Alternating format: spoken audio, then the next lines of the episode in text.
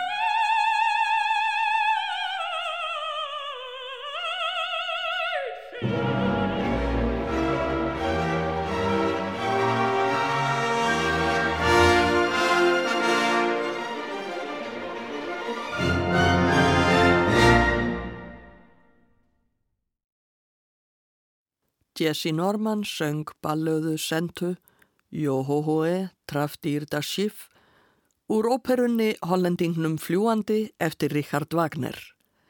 Filharmoníu sveit Lunduna leik með henni en Klaus Tenstedt stjórnaði. Ambrosiusar kórin söng og kórstjóri var John McCarthy. Í frásögn aðalheiðar Holmspanns sem lesin var hér áðan eru einnig nefndar symfoníur eftir Beethoven. Við skulum heyra kabla úr einni þeirra, það er þriðji kabli úr symfoníu nr. 8 í eftir sem Ludvík van Beethoven samdi árið 1812. Kablin hefur yfirskriftina Tempo di Menuetto í menuettakti.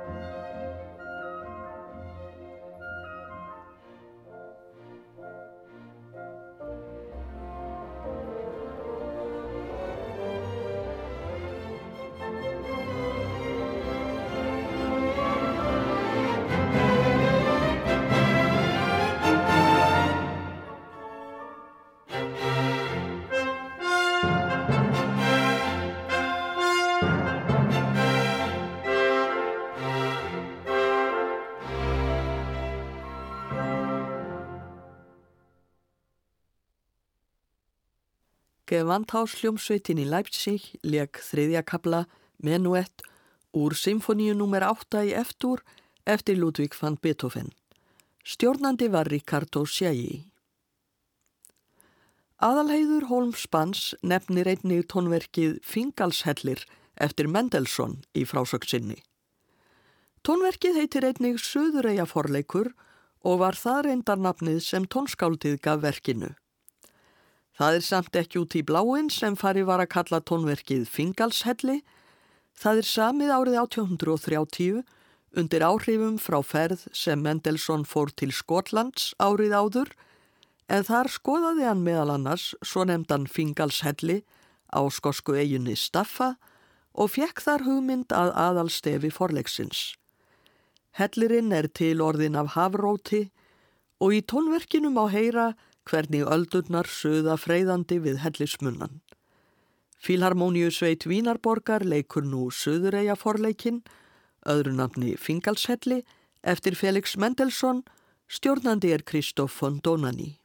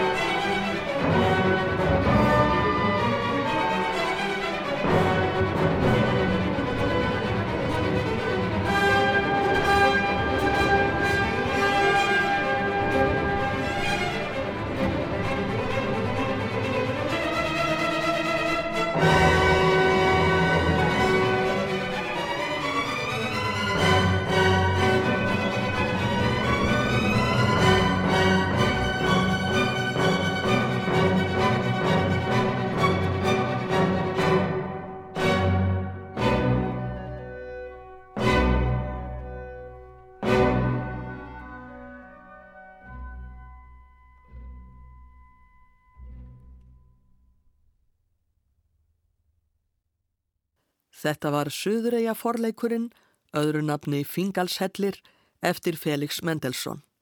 Filharmoniusveit Vínarborgar leik en Kristóf von Donani stjórnaði. Þá skulum við heyra framhald frásagnar aðalheiðar Holmspanns af því þegar Runolfur Pétursson kynnti fyrir henni síkil tónverk á fjórða áratug 20. aldar. Hefur hlusta á Ravel og Debussy, spurði Runolfur eitt dægin þegar við hittumst á fundi í fulltrúaráði verkalisfélagana. En ég sagði eins og satt var að ég væri ekkert fyrir nútíma tónlist. Rungi P. myndi mig þá á það að nútíminn væri orðina fortíð áður en við vissum af. Debussy væri búin að líka í gröfsinni í næri 20 ár og Ravel hefði tekið síðast andvarpi fyrir skömmu. Þetta var til þess að tónlist eins og leikir og vatni, spænska rapsodían, bolero, kirkjan og hafsbotni og stúlkan með hörgula hárið með sínum undarlegu hljómum urðu til að leiða mig inn í heim þeirra tónlistar sem tilherði minni eigin öld. Orðinum að Ravel hafi tekið síðasta andvarpið fyrir skömmu benda til þess að þetta hafi verið árið 1938 en Ravel dó í desember 1937, 62 ára að aldri. Aðalheiður nefnir meðal annars tónverkið Leikir á vatni en þar er átt við verkið Zudó sem Ravel samti 1901. Leikir á vatni er bókstafleg þýðing orðana en orðasambandið getur líka mert gósbrunnar.